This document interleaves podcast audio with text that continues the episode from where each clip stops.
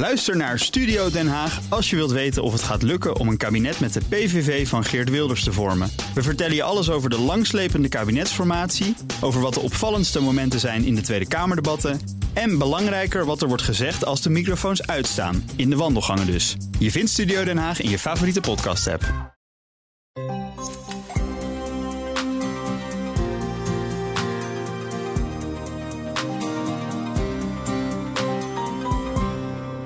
Dit is de Carbon Podcast, een podcast van Nieuwsbureau Energia en Grenzeloos Journalistieke Producties.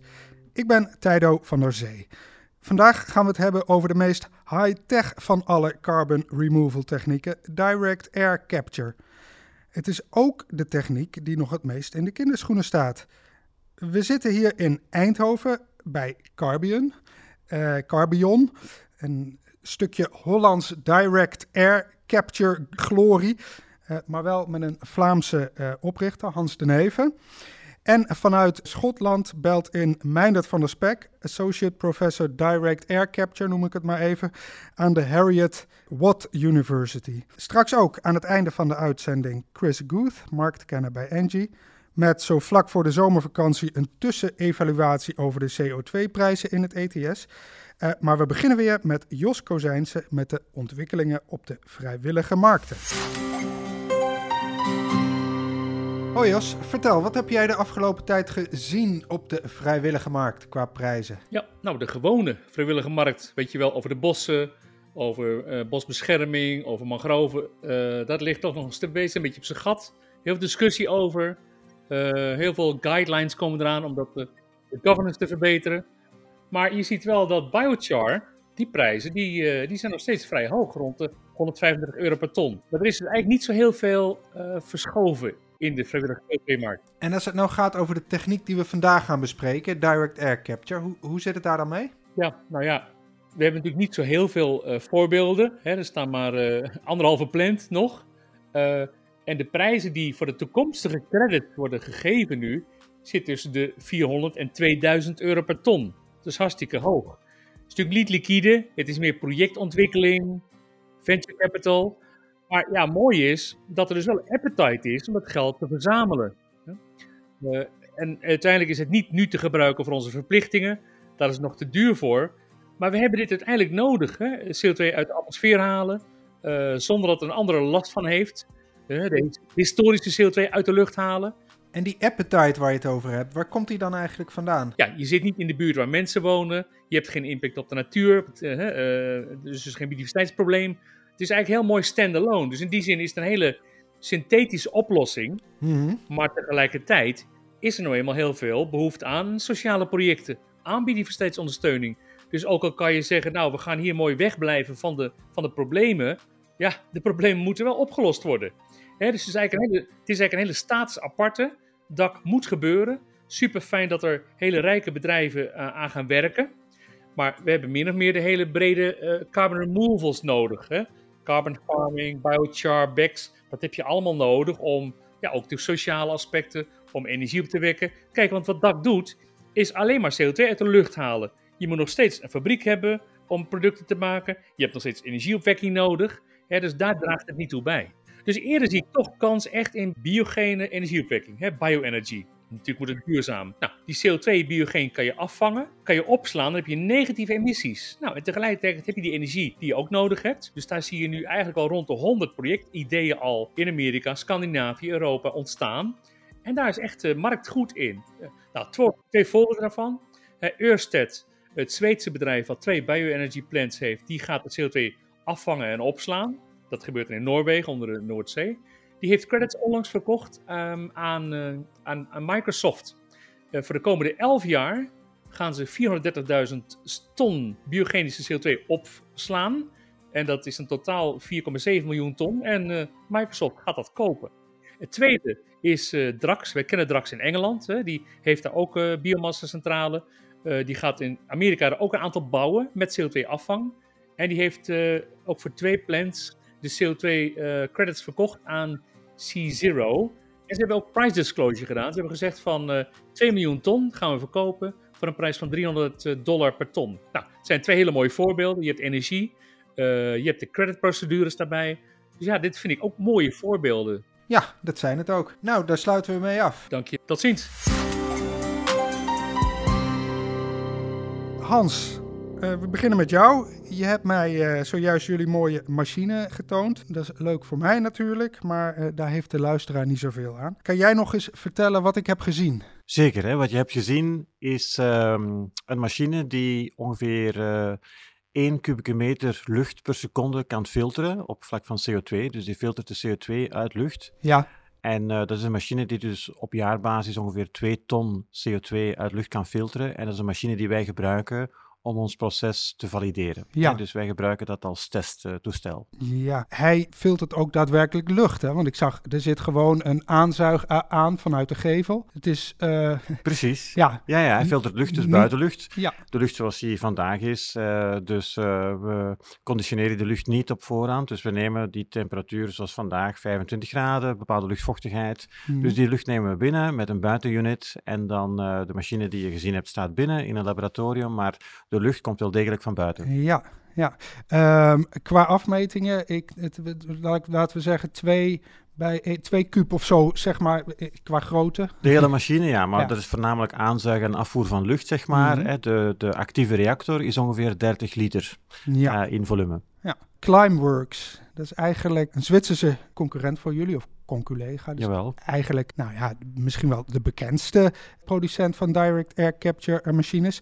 Zij hebben er al eentje in het veld staan, Orca. En eh, er komt straks nog een grotere, Mammoth. Eh, gaan jullie eh, je machine ook zo'n mooie naam geven?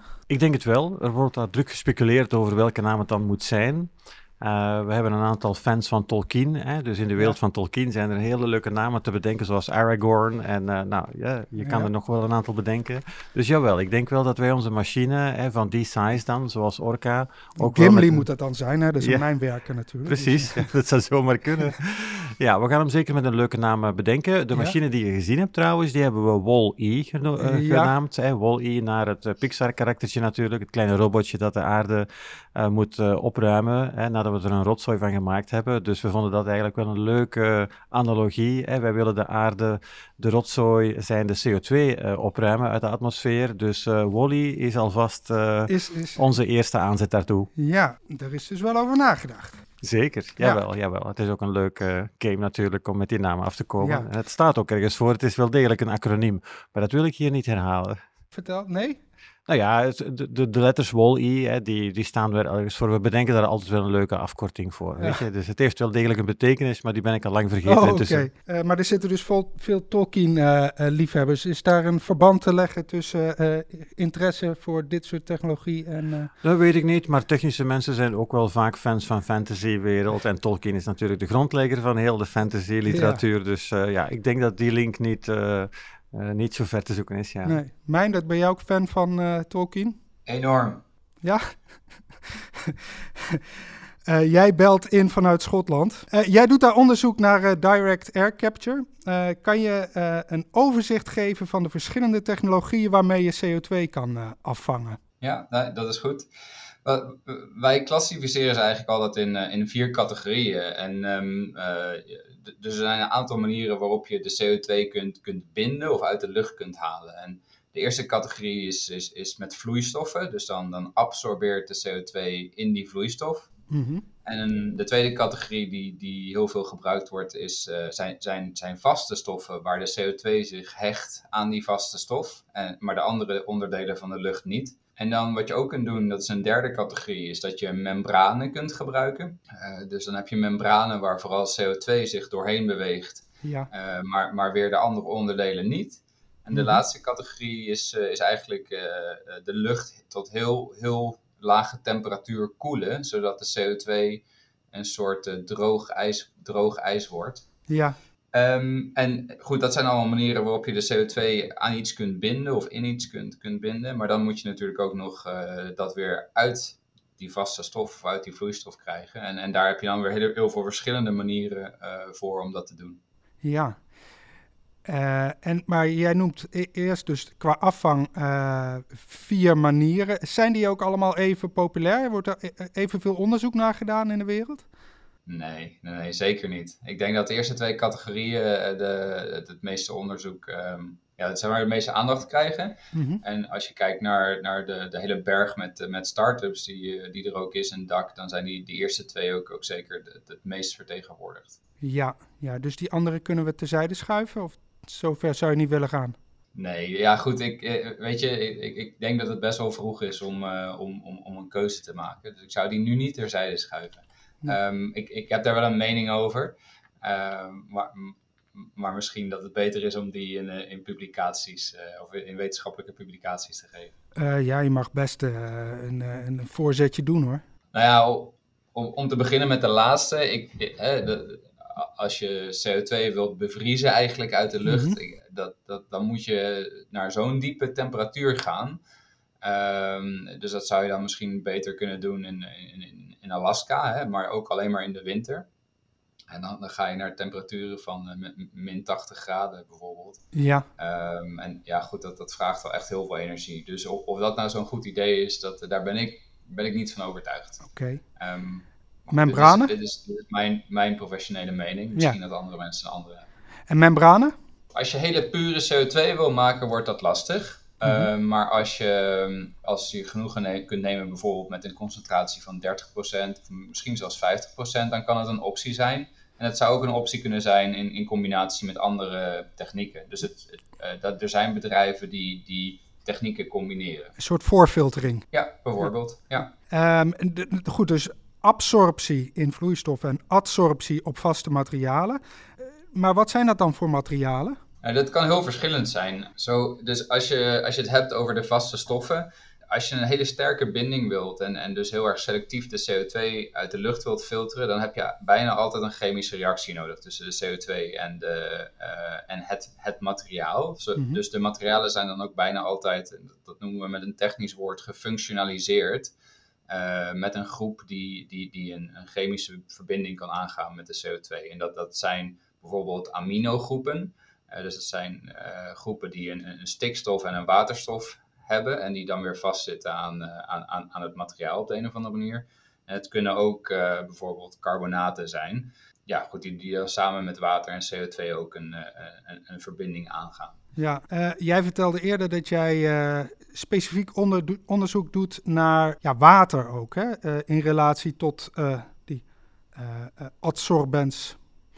Eh, wat kan je daarover vertellen? Nou ja, de, de grap is dat we eigenlijk nog helemaal niet zo heel goed weten. eh, we, we weten dat hè, in, in de lucht zit altijd water. Zelfs in een woestijn zit, zit nog altijd een klein beetje water.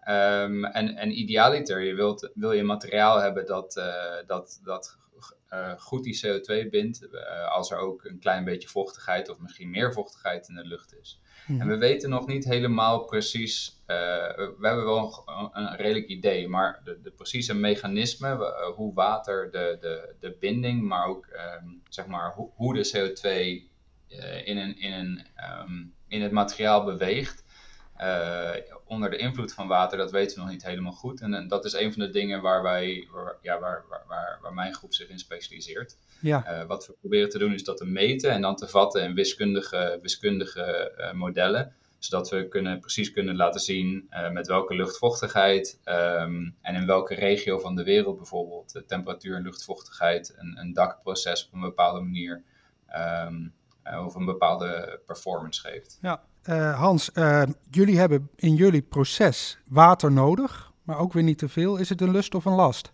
Ja, het is beide. Hè. Eh, ik denk het is. ehm, en wat wij doen eh, past in eh, de tweede categorie die net beschreven werd. Dus we werken met een vaste stof en dat zijn carbonaten in onze situatie. En carbonaten hebben minstens eh 1 mol water per mol CO2 nodig om te kunnen omvormen tot een bicarbonaat. Hè. Dus je hebt water nodig, het lukt niet zonder water. Ja, Maar natuurlijk, in lucht zit veel meer water dan 1 mol zeg maar water per mol CO2. Hè. Afhankelijk van de luchtvochtigheid kan er wel tot 50 mol water eh, per mol CO2 aanwezig zijn in eh, lucht. Ehm, en dan wordt het eerder een, een last, hè, want te veel water kan inderdaad de reactie verstoren. En er gebeurt inderdaad nog veel onderzoek naar. Die mechanismen zijn nog niet precies begrepen, maar wij merken ook in ons eigen onderzoek natuurlijk dat eh, als de luchtvochtigheid te hoog is bijvoorbeeld, dat dat de opname van CO2 belemmert. ja. Uh, dus er is daar zeker inderdaad een interactie die nog beter moet worden uh, begrepen, absoluut. En belemmerd in de zin van dat water gaat dan de plaats innemen van CO2? Voor een stukje wel. Hè. Carbonaten, er zijn inderdaad reacties tussen uh, carbonaten en water zonder CO2. Dus die gaan dan eigenlijk concurreren zeg maar, met de reactie waarbij zowel water als CO2 betrokken is. Dat is één aspect. Um, maar het andere aspect waar, uh, waar wij vooral veel uh, mee te maken krijgen, is dat uh, dat carbonaat is aanwezig op een drager van actieve koolstof. En dat zijn materialen met hele fijne poriën, mm -hmm. nanometer-sized poriën. zoals een beetje een spons, maar dan met heel veel kleine gaatjes, zeg maar, nanometerschaal. En als lucht zich in dat soort ehm, omgeving bevindt, dan zal het water die aanwezig is in de lucht heel snel condenseren. Um, en dus die poriën gaan zich eigenlijk opvullen met water. Dat is wat er gebeurt. Um, en als daar uh, dus uh, ja, te veel water uh, wordt opgenomen in die poriën, dan kost het ook te veel energie om het materiaal op te warmen. Want meestal is het zo, zeker ook zo met carbonaten. Dus wat je doet, je stelt het carbonaat bloot aan lucht. Het vormt zich om tot een bicarbonaat door te reageren met CO2 en water. Mm -hmm. Om dan vervolgens het um, CO2 te oogsten, zeg maar, moet je het materiaal opwarmen. Um, maar als de poriën vol zitten met water, dan kost dat heel veel energie. Dus om tot een, een um, proces te komen met zo weinig mogelijk energie, wil je eigenlijk vermijden dat die poriën zich gaan opvullen met water. Ja. ja. ja. Dus, en dan is het natuurlijk een, een last, uh, dat water eerder ja. dan een lust. Uh, Even nog voor de duidelijkheid. Jij vertelde net goed dat, dat, dat, hoe noemde je die ook weer? Het deel waar daadwerkelijk zeg maar het, uh, het, uh, de binding plaatsvindt. Hoe noemde je dat onderdeel ook weer? De... Ja, je hebt het sorbentmateriaal. Ja. Dat bestaat uit kaliumcarbonaat in onze situatie. Dat uh, aanwezig is op actieve koolstofmateriaal. Ja. Een drager van actieve koolstof. En dat zijn gewoon korreltjes, hè? Dat is hetzelfde wat ik in, in het aquarium doe om het aquariumwater een beetje schoon te houden. Jawel, dat zijn korreltjes en dat wordt inderdaad vaak gebruikt voor filtratie inderdaad. Mm -hmm. Dat klopt, die kan je commercieel kopen. Wij werken zowel met de korreltjes die je net hebt gezien inderdaad, maar ook met andere vormen van actieve koolstof. Dus vezeltjes kan ook bijvoorbeeld. Ja. Dat bestaat ook in de vorm van vezels die dan een soort veldmateriaal gaan vormen. Dus er zijn meerdere vormen waarin het kan. Ja. Um, maar de eigenschap is altijd hè, dat het materialen zijn die heel veel oppervlakte bieden per eenheid van massa. Dus 1 gram van het materiaal biedt ongeveer 3000 vierkante meter uh, oppervlak. En ja. dat is eigenlijk waar wij naar op zoek zijn. Precies, oké, okay, ja. En, en, maar dus dat filter, die, uh, die koolstof, die behandelen jullie nog? Ja, wij behandelen die. Hè. Dus wij kopen die en dan brengen wij eigenlijk uh, op de, binnenin die kleine poriën, hè, op de wand van die poriën, brengen wij dan één atoomlaagje van kaliumcarbonaat aan, hè, waardoor die poriën ook netjes open blijven. En dan kan lucht ook makkelijk doordringen in die poriën en dan zal eigenlijk de CO2 aanwezig in de lucht reageren met de wand van de poriën, die dan bestaat uit een atoomlaagje kaliumcarbonaat. Dus wij voegen inderdaad, uh, wij functionaliseren dat uh, actieve koolstofmateriaal met een atoomlaagje kaliumcarbonaat. Ja. En is het stabiel? Uh, gaat het lang mee? Um, op het eerste zicht wel. Nu moet ik zeggen dat we nog geen uitgebreide levensduurtesten gedaan hebben, maar dat is op zich wel een vrij stabiel materiaal. Um, dus uh, ja, kaliumcarbonaat reageert natuurlijk met water en, en met CO2, maar het is een vrij robuust materiaal hè, dat niet zo gemakkelijk andere reacties aangaat, waardoor het zeg maar buiten strijd is om uh, uh, nog met CO2 te kunnen reageren. Mm -hmm. Dat probleem heb je wel eens vaker met aminomaterialen, met amines. Um, die dan een soort irreversibele reactie gaan vormen, waardoor ze nadien geen CO2 meer kunnen opnemen. Dat ja. is minder het geval met kaliumcarbonaat. Dus het is best een stabiel materiaal. Ja, ja. Uh, dus je hebt het afgevangen en daarna, we hebben het eerder al een keer besproken, ook in uh, een aflevering over BECS. Uh, verwarm je het, Precies. En laat het weer los. We noemen dat een thermische cyclus. Hè? Dus mm -hmm. uh, dat betekent bij omgevingstemperatuur, lucht, uh, zal het materiaal CO2 uh, en water opnemen. En um, als dat materiaal verzadigd is met CO2, dan ga je het, de kamer afsluiten als het ware. Dan ga je het materiaal opwarmen tot ongeveer 100, 120 graden Celsius. En dan komt die CO2 terug vrij en dan kan je dat dus afpompen, zeg maar, afvangen.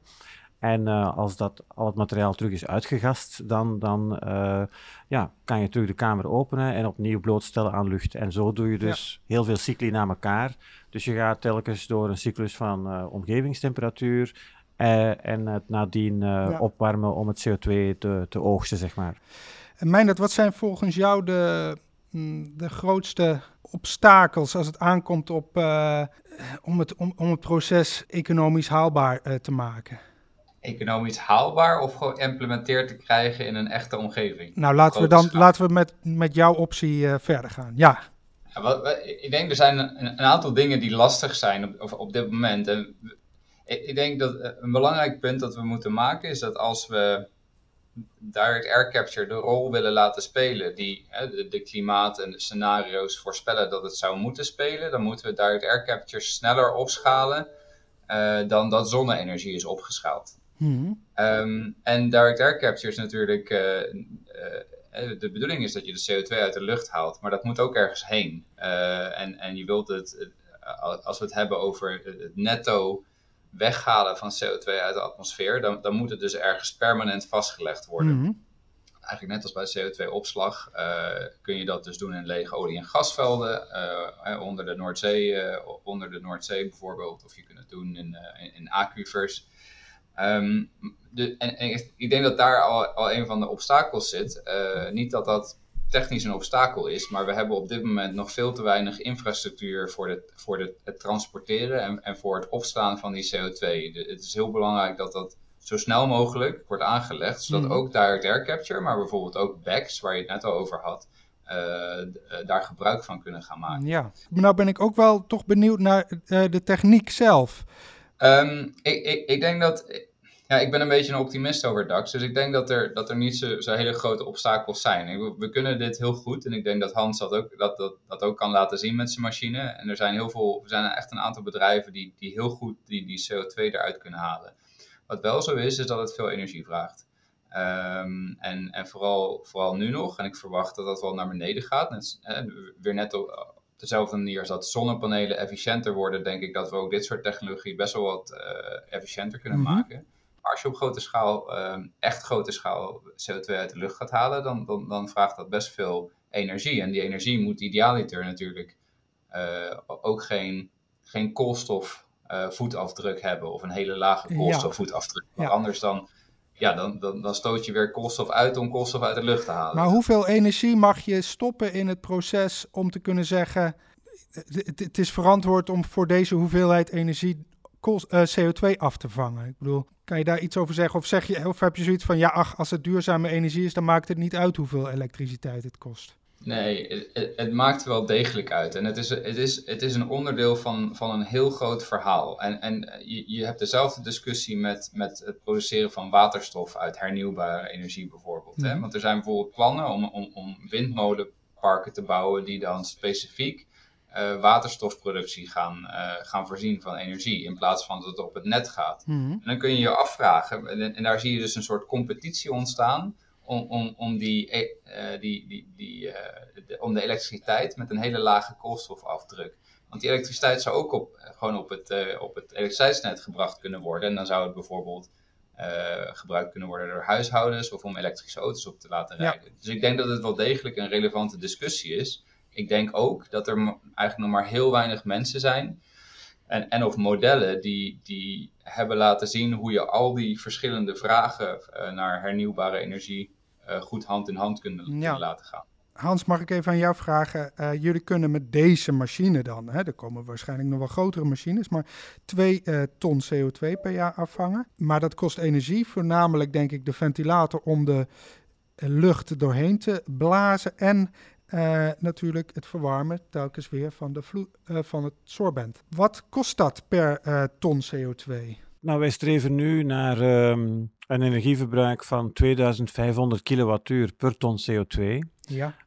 als, dat is ongeveer onze milestone nu voor het aankomende jaar. En op termijn willen we dat terugbrengen naar ongeveer 1000 kilowattuur per ton. Mm -hmm maar je moet dus wel aan dat soort grote orders denken. En dat is inderdaad best veel energie. Mm En dat uh, betekent uiteraard natuurlijk, die energie zal je moeten opwekken. En dat, dat zal je niet met uh, energie doen natuurlijk uit uh, fossiele energiecentrales. Dat zal je met duurzame energie moeten doen.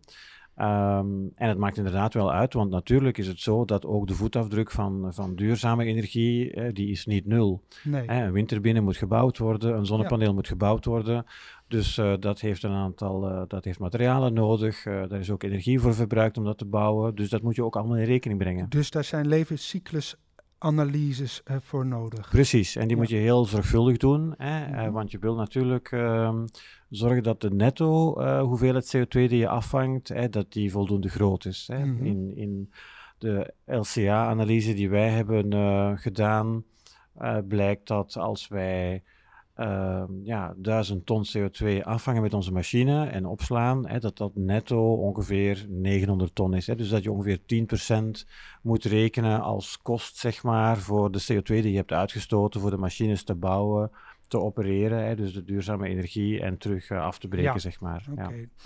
Ja. Um, de 2500 kilowattuur, uh, hoeveel procent gaat dan naar de ventilator en hoeveel naar het verwarmen? Het, het merendeel zal naar het verwarmen gaan. Dus je moet rekenen dat 80% zal naar het verwarmen gaan en ongeveer 20% zal naar het ventilatorstuk uh, gaan. Ja. En je zegt het kan terug naar 1000, misschien. Maar uh, wat zijn dan de mogelijkheden daarvoor? Nou, de mogelijkheden zijn bijvoorbeeld dat uh, nog minder water opnemen. Hè. Dan kan je eigenlijk zorgen dat je met minder water uh, meer, dus een betere verhouding CO2 tot water, zeg maar. Of je kan gewoon netto uh, per gram materiaal of per kilogram van je sorbent nog meer CO2 opnemen. Mm -hmm. hè, want je moet bedenken, als je het materiaal opwarmt, hè, dat is een vaste kost die je hebt.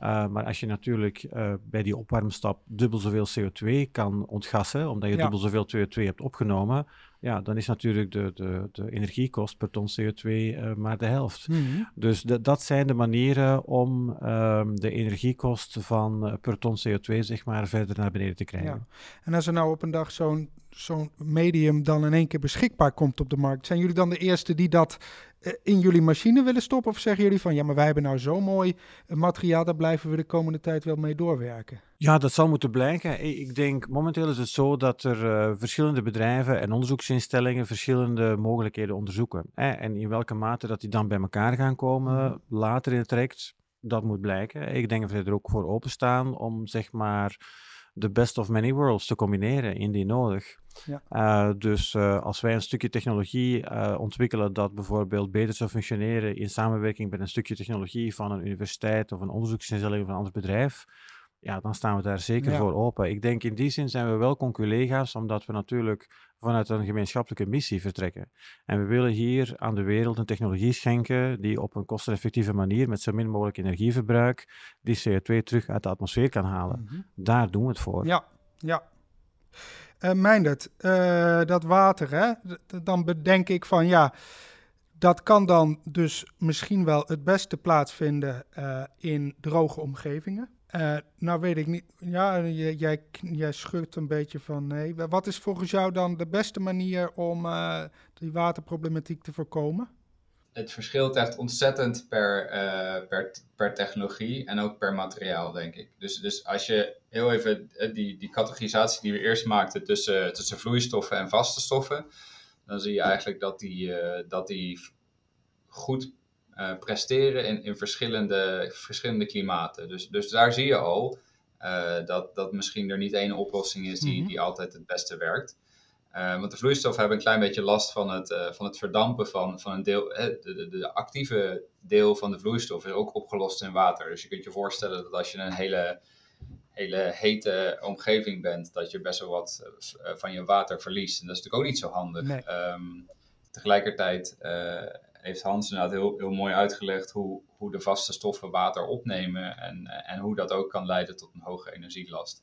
Dus ik, ik denk dat dat, om eerlijk te zijn, dat is een beetje een van de, de, de, de, grenzen van, van, van, van het huidige onderzoek en waar het onderzoek heen gaat. Er zijn op dit moment uh, wel geteld twee hele studies, één voor de vloeistoffen en één voor de vaste stoffen, die, die wereldwijd hebben gekeken naar, naar hoe één technologie met één materiaal, één vloeistof en één vaste stof presteren over, over verschillende regio's van de wereld. Ja. Herstel, het zijn er drie, maar eentje focust alleen op Europa. Uh, dus dat, dat, dat geeft een beetje aan hoeveel aandacht er voor, uh, voor is geweest tot nu toe en hoeveel meer aandacht er moet zijn uh, over de komende jaren. Ja, goed. financiering. Ik heb het idee dat er vaak over een kip- en een ei-probleem wordt gesproken als het aankomt op DAX. Want ja, moet er eerst geld beschikbaar zijn om projecten te financieren? Of, ja, of moeten er eerst projecten zijn om geld aan te kunnen trekken? Zie je dat probleem ook? ja, nee. Ik, ik denk dat je gelijk hebt als je dat probleem benoemt. Uh, uh, uh, Kijk, voor een financierder, een investeerder, is het natuurlijk fantastisch om te investeren in een bedrijf dat zijn product al verkocht heeft. Mhm. Want dan weet je, heb, heb je in ieder geval voor een aantal jaren een gegarandeerde inkomensstroom. En dat verlaagt het risico enorm voor jou als investeerder. Ik, dat, dat, ik denk dat dat redelijk, redelijk begrijpelijk is.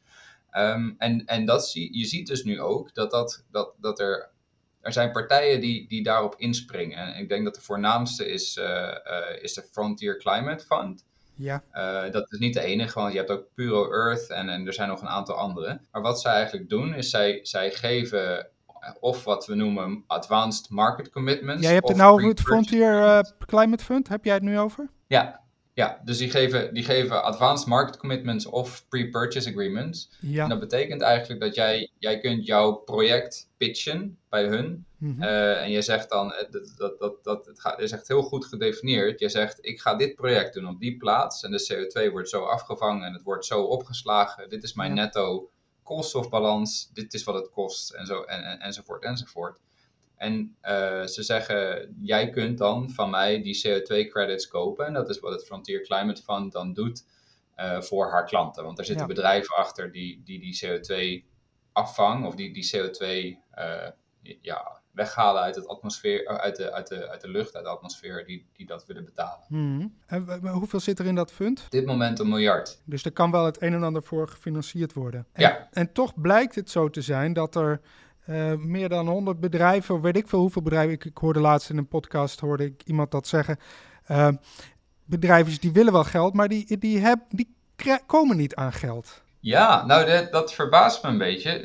Uh, um, goed, ik, ik kan, natuurlijk niet voor ieder individueel bedrijf spreken, maar er is ontzettend veel uh, aandacht voor, voor het weghalen van CO2 uit de atmosfeer, denk ik. En, en de, uh, vooral vanuit de venture capital hoek is er, wordt er enorm veel geld in gepompt nu. En soms binnen no time. Dus het, ja. ik denk dat het er een beetje aan ligt. Ik, ik was laatst ook op de Hello Tomorrow uh, beurs in Parijs, waar eigenlijk uh, tech-startups en, en, uh, en ja, als ik het heb over tech, dan heb ik het niet over IT, maar heb ik het meer over clean tech bijvoorbeeld. Mhm. En, en, en, en venture capitalists elkaar ontmoeten. Ik, ik, was echt redelijk verbaasd en onder de indruk van hoe de, de venture capital people, mensen om, zeg maar, om de, de, de bedrijfjes heen, heen zwermden. Um, maar ja, het kan best zijn dat er ook bedrijven zijn die, die moeite hebben om, om aan geld te Ja. komen. Er is ook nog zoiets als upfront buying, hè? want je had het over een pre-purchase agreement. Dat is dus, um, oké, okay, ik garandeer dat ik jouw uh, product afneem. Uh, Ja. Waarmee je dan dus weer de boer op kan uh, geld op te halen ergens anders. Ja. En upfront buying is zeggen van, nou, jij krijgt binnenkort negatieve emissies en die koop ik alvast. Uh, daar zit natuurlijk ook wel een risico aan, denk ik. Nou ja, het bedrijf moet het wel waarmaken. Ja. Hans, hoe kijk jij hier tegenaan? Ja, het is zoals uh, net zegt, het bedrijf moet het nog waarmaken. Um, heel veel uh, bedrijven, um, zeker de, de laatste nieuwe start-up bedrijven, zijn natuurlijk nog niet zo ver dat ze op een, uh, een grote schaal, significante schaal CO2 kunnen afvangen en opslaan. Mm -hmm. Um, zij kunnen wel inderdaad intekenen, bijvoorbeeld op die pre-purchase uh, agreements van Frontier Climate Fund of andere. Um, maar natuurlijk, eh, dan moet je ook committeren dat je op een redelijke termijn in de toekomst, eh, en dan hebben we het over twee tot maximum drie jaar, effectief ook die CO2 gaat afvangen. Mm -hmm. um, en ja, er is nog heel veel onzekerheid hè, ten aanzien van de technologie en hoe snel die kan evolueren. Dus het is niet altijd mogelijk voor die bedrijven om dat correct in te schatten of ze op die termijn effectief in nee. staat zullen zijn om die CO2 af te vangen.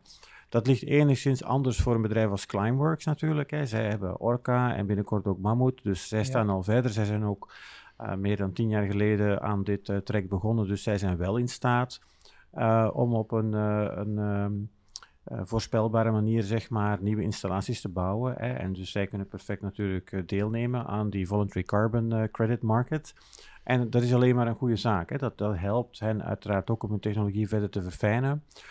Anderzijds, algemeen voor de financiering denk ik niet dat de start-ups uh, exclusief afhankelijk zijn van dit soort uh, pre-purchase agreements of dergelijke. Ook omdat, ik zit even te rekenen, stel dat je inderdaad twee ton per jaar gaat leveren, dan levert je dat misschien, ik weet niet wat zo'n credit gaat uh, opleveren, nu misschien op dit moment 1000 euro, maar dan levert je 2000 euro op. Dus dat is niet dat je daar op dit moment echt al mee vooruit kan. Nee, precies. Dat zit relatief weinig zoden aan de dijk wat dat Mhm. betreft. En de meeste start-ups zijn toch aangewezen op investeringen vanuit eh, VC's, dus venture capitalist eh, fonds, Mhm. eh, zeg maar. En ik ben blij ook te horen hè, van Hello Tomorrow. Er is toch wel groeiende interesse vanuit die wereld om jonge, beloftevolle bedrijven te financieren. Er is ook zo voor Carbion en ik weet dat het ook zo is voor zeg maar onze conculega's in de Verenigde Staten, maar ook voor Climeworks uiteraard. Dus Climeworks is ook volledig gefinancierd geweest eh, in heel hun eh, traject door, door eh, Venture Capital Fund. En dat is toch wel het leeuwenaandeel van de financiering voor de ontwikkeling van, van nieuwe technologie. Ja, ja, en voor jullie is die ook beschikbaar. En voor ons is die ook beschikbaar. Ja, Natuurlijk, niks is gratis. Hè, dus als je geld nodig hebt, dan moet je daar ook iets voor teruggeven. Dus in dit geval zijn dat aandelen. En dan is altijd de discussie, ja, hoeveel aandelen Mhm. dan? Ehm, maar ja, dat is een normale discussie, zeg maar. En het is goed dat, eh, dat VC's wel degelijk die discussie willen aangaan. Hè. Ook al ligt eh, ja, omzet, zeg maar, de, de verkoop van die, van die toestellen tien jaar in de toekomst. Hè, eh, toch op, op een hele grote schaal, zeg maar. Massaproductie van dit soort toestellen ligt meestal naar, richting 2030. Uh, dus dat betekent dat ja, het echt terugverdienen van dat geld, hè, dat, dat, zal, dat kan makkelijk tien jaar zijn. Ja. Maar je ziet meer en meer investeerders Ja. die bereid zijn om op een termijn van tien jaar, hè, dus inderdaad het geduld op te brengen, van te wachten tot het bedrijf hè, na verloop van tien jaar in staat is om producten op de markt te brengen. En dan winstgevend te zijn en eigenlijk voor een stukje het, het, eh, de investeerders te vergoeden. ja. Ehm, zijn dat dan, want we kennen Elon Musk hè, als, als eh, iemand die hierin is geïnteresseerd. Zijn het ook eh, de Tolkien-achtige figuren uit de investeringswereld? Of komen ook al de grote, ehm, ja, zeg maar, usual suspects als, weet ik wat, eh, pensioenfondsen of zo al om de hoek kijken? Nou, pensioenfondsen nog iets minder. Hè. Pensioenfondsen gaan toch doorgaans investeren in minder risicovolle ehm, eh, bedrijven. Mhm. Ehm, inderdaad, je, kijk, het mooie, je, je benoemt Elon Musk. Ehm, hij heeft in eh, 2021 het initiatief genomen om 100 miljoen dollar eh, uit te reiken als prijzengeld, zeg maar, voor een wereldwijde competitie om Mhm. betere technologie te ontwikkelen om CO2 uit lucht te halen. Ehm, hij heeft dat in handen gegeven van de X-Prize Organization. Hè, dat is een Amerikaanse organisatie die wel meerdere van dat soort wereldwijde competities, eh, challenges, zeg maar, uitschrijft over eh, voor heel veel topics. Maar dus dit topic was specifiek eh dak. Ja, Of ja, CO2 uit, uit lucht halen, dat kan ook wel via, via oceanen. Dus het, het, hoe gaan we zeg maar, de klimaat, het klimaat redden door CO2 terug uit de atmosfeer te halen? En ehm, nou, het mooie is dat hij ja, 100 miljoen prijzengeld heeft vrijgemaakt. Mhm. Eh, dus heel veel bedrijven heeft gestimuleerd, ook wereldwijd, om hier aan deel te nemen. En om hier tenminste over na te denken. En je merkt toch wel dat het mede door dat soort initiatieven is ook dat er de laatste jaren veel meer onderzoek en veel meer aandacht gaat naar dit probleem. ja, ja, jullie hebben ook volgens mij eh, uit die X-Prize hebben jullie ook wat, ehm, Ja, eh, toch? ja wij, de, de eerste fase van de X-Prize ehm, waren wij een van de 15 finalisten. Die elke miljoen dollar kregen hè, als deel van, van, dat, eh, van het Mhm. prijzengeld. Dus ja, daar waren we natuurlijk bijzonder eh, fier op. En dat heeft ook wereldwijd de aandacht gevestigd op Carbion. Want Ja. tot, tot dan zeg maar, had niemand eh, gehoord over Carbion. Toch zeker niet buiten Nederland. Maar na het winnen van de X-Prize natuurlijk, toen ja, werden we even wereldwijd op een podium gehesen. Mhm. En toen zag iedereen plots wel Carbion staan. Dus daar zijn we natuurlijk heel blij mee, absoluut. Ja. Was eh, eh, Elon Musk ook op de Hello, hoe heet het, Hello World? Ik heb hem niet gezien. Misschien was hij te druk, eh, te, te, te druk met Twitter. Ik, eh, ik heb geen idee. Nee. Maar ik, ik, vind het, ik vind het wel grappig dat je hem noemt. Want dat, ik vind, dat is, het pro, dat is een, eigenlijk... eh, je, je kunt daar een prototypisch voorbeeld uit halen van hoe venture capital werkt. Want venture capital die, die, die, die, die pompt echt behoorlijk veel geld in een, in een bedrijf. Dus je, je krijgt dan een, een, een hele grote credit line. Mhm. Natuurlijk in ruil voor een, een stukje, of natuurlijk, maar dat is hoe het systeem werkt, in ruil voor een stukje van dat bedrijf. Mhm. En de, de, de venture capital mensen met, met wie ik spreek, die zeggen, nou ja goed, als wij investeren in tien bedrijven, dan zijn we blij als er één van overblijft. Hè? Dus dat is het risico dat ze nemen. High risk, maar ook high gain. En Tesla, die heeft natuurlijk, die, die, die schrijft echt pas een, een paar jaar zwarte cijfers. Die hebben ontzettend lang rode cijfers geschreven. Ja. Alleen de, de potentie van dat bedrijf was zo, zo enorm, en dat, dat blijkt nu ook, dat investeerders heel lang vertrouwen hebben gehouden. Dat hield wel op op een gegeven moment trouwens. Ik denk dat hij het wel gepusht heeft, hoe lang hij kon doorgaan. Maar het, ze hebben het net gered. Ja. Maar, Ja. Dus dat geeft aan hoe, hoe inderdaad lang, hoe lang die investeringstijdslijn kan zijn. Ja. Ehm, Hans, jij hebt dan straks mooie CO2 ter beschikking. Eh, ja, daar kan je er verschillende dingen mee doen. Hè? Je kan het wegstoppen onder de grond, in gesteente, of hoe dan ook. Maar eh, ja, je kan er ook eh, misschien in de industrie iets mee of brandstof van maken. Zeker. Hè? Dus een van de toepassingen is ehm, eh, brandstoffen maken voor eh, de luchtvaart bijvoorbeeld. Hè? Dus je Mhm. kunt zeggen kerosine, hè, die nu wordt afgeleid uit fossiele eh, bronnen. Eh, diezelfde kerosine zou je ook kunnen maken met groene waterstoffen met CO2 uit lucht. En dan heb je dus eigenlijk een, een circulaire brandstof. Hè, waarbij je hernieuwbare energie gebruikt om die aan te maken. Hè, Ja. Dus water te splitsen in waterstof en zuurstof, CO2 uit lucht te filteren. En met die waterstof en die, en die CO2 maak je dus eh, kerosine. Ja, Eh, dus dan heb je eigenlijk een circulaire brandstof die geen CO2 meer toevoegt aan de atmosfeer. En dan kan de luchtvaart eigenlijk min of meer verder evolueren. Hè. Uiteraard naar alsmaar zuinigere toestellen. Mhm. Maar je kan nog steeds kerosine blijven gebruiken hè, om mee te vliegen, omdat het natuurlijk per eenheid van gewicht is kerosine natuurlijk een sterke energiedrager. En als je wil vliegen, wil je natuurlijk dat die brandstof hè, zoveel mogelijk Mhm. energie bevat per eenheid van eh, gewicht. dus En dat- liever dan dat je waterstof meeneemt aan boord. Nou, ik denk waterstof, dan moet je naar een totaal nieuw type vliegtuig gaan. Hè, en gelet op de veiligheidsnormen in de luchtvaart. Eh, dat zal er misschien ooit wel komen, maar dat zal veel meer tijd in beslag nemen. En dan is het denk ik eerder aangewezen nu om de huidige generatie vliegtuigen te kunnen laten vliegen op een circulaire brandstof, dan te wachten tot heel die vloot eh, vervangen wordt door een volledig nieuw type toestel. Eh, dat zal erg veel tijd kosten. Ehm, dus wat dat betreft, indien we zo snel mogelijk ehm, bestaande brandstoffen in de industrie of in het transport kunnen vervangen door eh, dezelfde brandstoffen, maar dan hernieuwbare circulaire brandstoffen, dat kan eigenlijk het gebruik van fossiele brandstoffen versneld eh, terugdringen. Want we moeten ehm, zowel het gebruik van fossiele brandstoffen afbouwen, de kraan dichtdraaien, zeg maar, die verantwoordelijk is voor de vervuiling met CO2.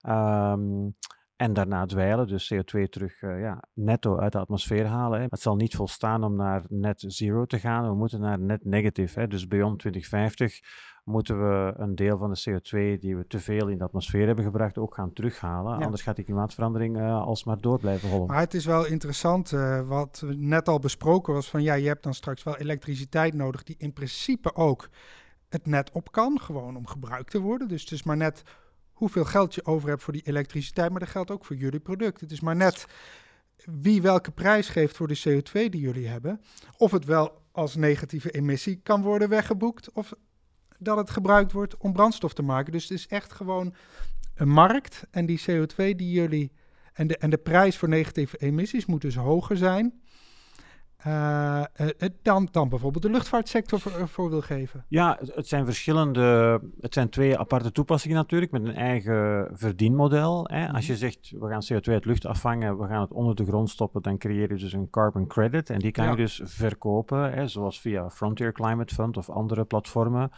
Ehm, indien je er brandstof mee maakt, ja, dan creëer je geen carbon credits, want je haalt eigenlijk niks weg uit de Nee, atmosfeer. Ehm, en dan is je verdienmodel dat je kan concurreren met fossiele brandstoffen, dat je goedkoper bent dan fossiele brandstoffen. Mhm. Ehm, maar dan heb je natuurlijk geen carbon credits, hè, want je, je, je neemt netto niks weg uit de atmosfeer. Je neemt het hooguit tijdelijk weg door het als een brandstof eh, Ja. op te bouwen. Maar als die brandstof dan gebruikt wordt natuurlijk door een vliegtuig, dan komt die CO2 toch terug in de atmosfeer. Dus dan is het, het is dan eh, geen credit, hè, eh, maar dan moet je wel zorgen dat die brandstof...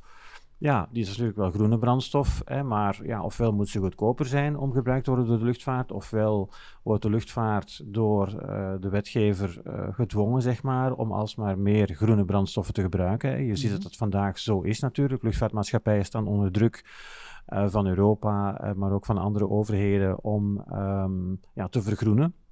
En ehm, ja, een van de mogelijkheden om te vergroenen hè, is om alsmaar een groter aandeel hernieuwbare kerosine te mengen bij de fossiele kerosine, tot je uiteindelijk enkel nog 100% hernieuwbare kerosine overhoudt. Goed, wij sluiten af. Hans de Neven en uh, Meindert van de Spek, dank uh, jullie wel. Graag gedaan. Graag gedaan. En dan gaan we tot slot naar de actuele CO2-prijzen met Chris Guth.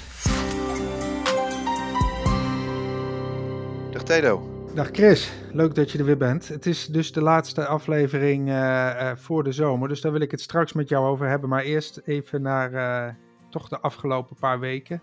Wat heb je gezien? De afgelopen paar weken ben ik verbaasd door de enorme groei van duurzame en dus andere woorden elektriciteitsproductie waar geen emissierechten voor nodig zijn. Ja. Het aandeel zon en wind die zijn dusdanig gestegen dat wij op sommige momenten zelfs kampen met overschotten. En ik geloof over nou ja, de afgelopen uh, half jaar is dat aandeel enorm toegenomen doordat er vorig jaar zoveel uh, zon- en uh, windcapaciteit is, is geïnstalleerd. En dat dat inmiddels dusdanig aantikt dat soms een prijs van elektriciteit dan weliswaar de min gedrukt wordt. Maar netto betekent dat ook minder vraag van emissierechten. Maar die CO2-prijs is niet echt gedaald, wat je dan dus zou verwachten. Maar dat ligt dan dus misschien aan vraag die dan bij de industrie zit? Nee, als ik puur naar het fundamentele plaatje kijk, dan laten we het even plusjes en minnetjes noemen. Zie ik een min voor wat betreft elektriciteitsproductie, omdat dat mhm. duurzame aandeel uh, steeds verder toeneemt. De tekenen vanuit de industrie zijn ook niet uh, bepaald positief geweest de afgelopen maanden. We zien zelfs de ja, zogeheten inkoopmanagersindex, wat een graadmeter is voor hoe de industrie uh, ervoor staat, zeg maar. Uh, die duidt zelfs op uh, krimp binnen de, binnen de eurozone. Mm dus dan mag je daar ook niet heel veel van verwachten. Um, dus wat mij betreft, puur vraag en aanbod, zal dat wel wat kunnen gaan, gaan afnemen. Uh, we hebben weliswaar prijs boven de 90 uh, uh, zien overstijgen. Uh, ik geloof een maandje geleden of tijdens onze vorige podcast. Nou, inmiddels is die prijs weer midden in de range tussen de 80 en, uh, en de 90. Mm -hmm. uh, en het zou mij niet verbazen als we uh, de, de, komende tijd, want niet alleen wij gaan op vakantie, de podcast, maar ook veel handelaren en het aantal veilingen die zullen plaatsvinden in de maand die komen gaat, die wordt wat minder. Hè? Ja. Dat is een soort herschikking. En we gaan zien, naar alle waarschijnlijkheid, als ik een voorspelling moet doen, dat uh, ja, we, we, waarschijnlijk onder in die handelsbandbreedte terecht kunnen gaan komen puur gebaseerd op die twee factoren. Een minnetje voor de industrie en een minnetje voor de elektriciteitsproductie in mijn ja. beleving. Voor de handelaren die dus nog een beetje goedkoop willen inkopen, die kunnen dus beter niet op vakantie en ergens halverwege juli, begin augustus uh, hun slag slaan. Dan is de markt uh, uh, ja, dunner en, en, en in potentie bewegelijker als daar aanleiding toe is. Maar ik heb vorige keer het gehad over die investeringsfondsen die grotendeels short zaten. Dat fenomeen lijkt achter ons. Hè. Dat was even een aanleiding voor die opleving boven de uh, 90, uh, zoals we vorige keer bespraken. Um, ik zie die posities uh, weer op redelijk neutraal staan. Dus een goede balans tussen nou ja, verwachtingen van prijsdalingen of, of prijsoplevingen. Ja. Dus die balans is weer redelijk hersteld. Dus ik vermoed dat we, nou ja, als wij elkaar weer spreken, onder in die bandbreedte zitten tussen de 80 en de, en de 90. Goed, daar wachten we dan op. En in de tussentijd wens ik jou uh, een fijne vakantie. Dankjewel, eens gelijks en uh, fijne vakantie allen. Bedankt voor het luisteren naar deze aflevering van de Energia Carbon Podcast. De volgende aflevering, die komt dus na de zomer pas weer. Uh, we gaan even met zomerstop. Woensdag 6 september komt die uit. En die gaat deze keer eens niet over een techniek, maar over de markten. De vrijwillige markten wel te verstaan. Welke rol is voor de vrijwillige markt weggelegd als het aankomt op negatieve emissies. Mis de aflevering niet en abonneer je dus op de Energia Carbon podcast in je favoriete podcast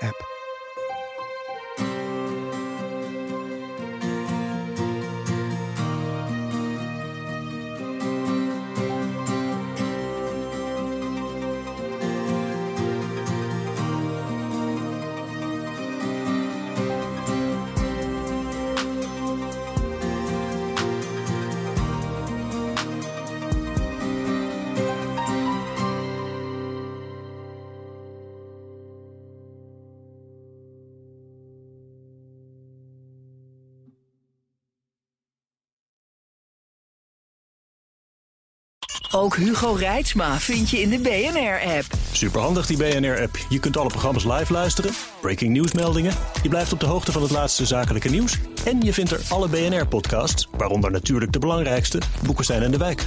Download nu de gratis BNR-app en blijf scherp.